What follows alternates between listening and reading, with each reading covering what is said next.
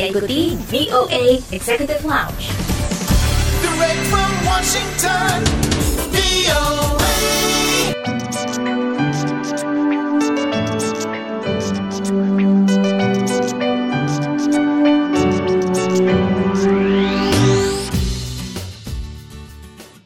Halo apa kabar? Dari Washington DC, Ronan Zakaria kembali menemani Anda dalam VOA Executive Lounge. Di VOA Executive Lounge, Anda bisa menyimak cerita-cerita menarik seputar diaspora Indonesia di mancanegara, juga beragam informasi dari dunia hiburan dan gaya hidup. Bagi sebagian kita, istilah epidemiologi ini semakin familiar ya sejak pandemi virus corona merebak awal tahun ini. Epidemiologi sendiri artinya adalah sebuah studi dan analisis tentang distribusi pola dan penentu kondisi kesehatan dan penyakit pada suatu populasi. Nah, kali ini ada obrolan menarik reporter VOA Virginia Gunawan bersama ahli epidemiologi asal Indonesia yang kini bekerja di Departemen Kesehatan negara bagian Tennessee, Amerika Serikat, sambil menyelesaikan studi doktoralnya di Vanderbilt University, namanya Rani Oktaria, yang disuarakan kembali oleh reporter VOA Rifandi Astono.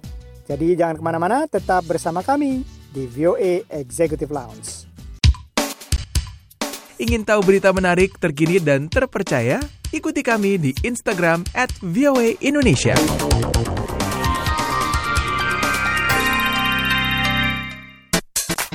Mbak Rani, boleh diceritain gak sih kayak gimana sampai akhirnya memilih mendalami dunia epidemiologi ini? Oke, saya kecilnya dulu di Bogor, jadi sekitar 12 kilo dari Bogor, jadi desa. Jadi bapak saya itu ternak ayam dan ibu saya itu perawat.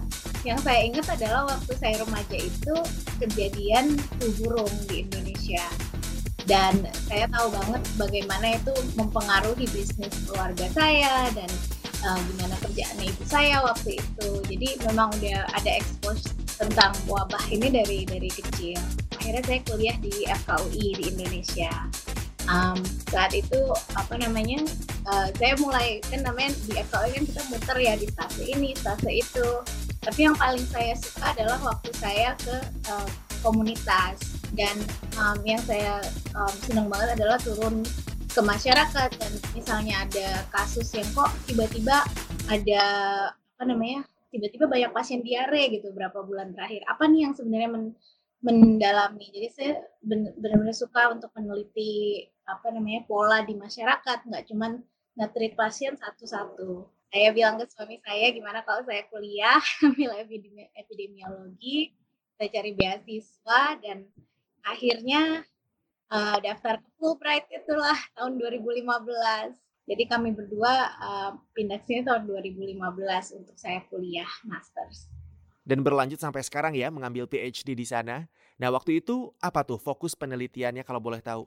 Uh, saya tuh memang tertariknya di bidang namanya emerging infections. Jadi infeksi-infeksi yang baru istilahnya yang atau infeksi yang apa namanya baru meningkat lagi gitu.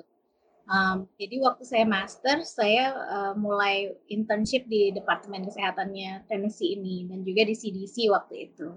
Jadi kita berusaha untuk uh, menangkap sinyal-sinyal bagaimana penyakit yang bakal jadi ancaman baru untuk kesehatan gitu. Kemarin sempat memprediksi pandemi corona juga nggak Mbak? Anehnya waktu saya mau berangkat ke sini tuh sempat nonton film Contagion ya. Dan itu kayak bagi saya waduh serem banget tapi juga ternyata di bidang epidemiologi itu konsep bahwa ada akan ada penyakit yang akan jadi sebesar ini itu tinggal bukan if tapi when gitu. Karena kita melihat bagaimana lingkungan manusia sama lingkungan hewan itu udah banyak banget um, terlalu banyak interaksi. Jadi penyakit-penyakit baru itu akan ada karena dari hewan biasanya bisa bermutasi akhirnya ke manusia. Cuman apa saya mikir bahwa ini akan terjadi 2020 mungkin enggak, tapi ternyata terjadi 2020. Cuman maksudnya bahwa konsep itu sendiri adalah konsep yang memang emerging infections ini kita udah meneliti, makanya kita udah punya surveillance team di di Tennessee ini salah satu dari 10 state di Amerika yang uh, melakukan surveillance yang ekstra untuk emerging infections gitu, nggak semua state. Um, dan kita berusaha untuk nangkep sinyal ini dari dari lebih dini gitu. Tadi Mbak Rani cerita kalau awalnya magang di Departemen Kesehatan negara bagian Tennessee, Amerika Serikat. Boleh tahu nggak kayak gimana sih ceritanya bisa sampai akhirnya magang di sana? Jadi orang di Departemen Kesehatan Tennessee itu ada yang um, ahli yang baru saja menyelesaikan wabah meningitis jamur. Jadi meningitis yang nggak pernah jarang ada lah. Dan baru dapat penghargaan dari Obama. Ngasih kuliah di Vanderbilt.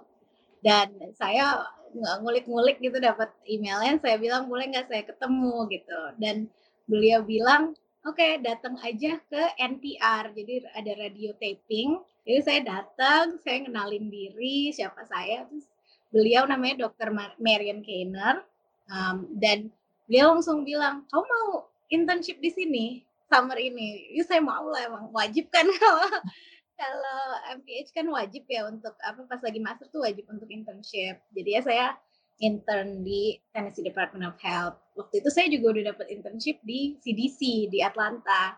Jadi akhirnya saya kerjain dua-duanya. Jadi berapa dua bulan di Tennessee, dua bulan di CDC. Kerjaan di Tennessee ini saya kerasa benar-benar kerakyat banget gitu ya istilahnya. Di sini mungkin kita um, banyak policy making, banyak apa tapi di Tennessee itu kita benar-benar ngumpulin data dari masyarakat. Apa kalau ada wabah kita datang kayak gitu. Akhirnya saya ditawarin gimana kalau saya ngerjain tesis master saya di Tennessee juga. Akhirnya saya bilang, "Oke, okay, saya kerjain di situ." Pas saya udah mau lulus, saya ditanyain, "Mau nggak kamu lanjut kerja di sini?" Akhirnya saya bilang oke okay. saya akhirnya lanjut lagi um, pas akhirnya work permit saya mau habis saya udah siap-siap pulang tapi sama coworker epidemiologis epidemiologis yang lain pada bikin uh, meeting ke bos-bos bilang tolong jangan dipulangin karena ini banyak proyek yang bakal gak selesai sampai akhirnya saya dengan kontrak yang tidak pernah dibuat di Tennessee mereka bisa pertama kali memberikan beasiswa untuk kuliah PhD. Uh, apa namanya ada pendanaan dari CDC yang mereka uh, bisa kasih dana untuk uh, menyekolahkan saya gitu dengan syarat bahwa penelitian saya adalah uh, penelitian tentang datanya infeksi di Tennessee. The Voice of America.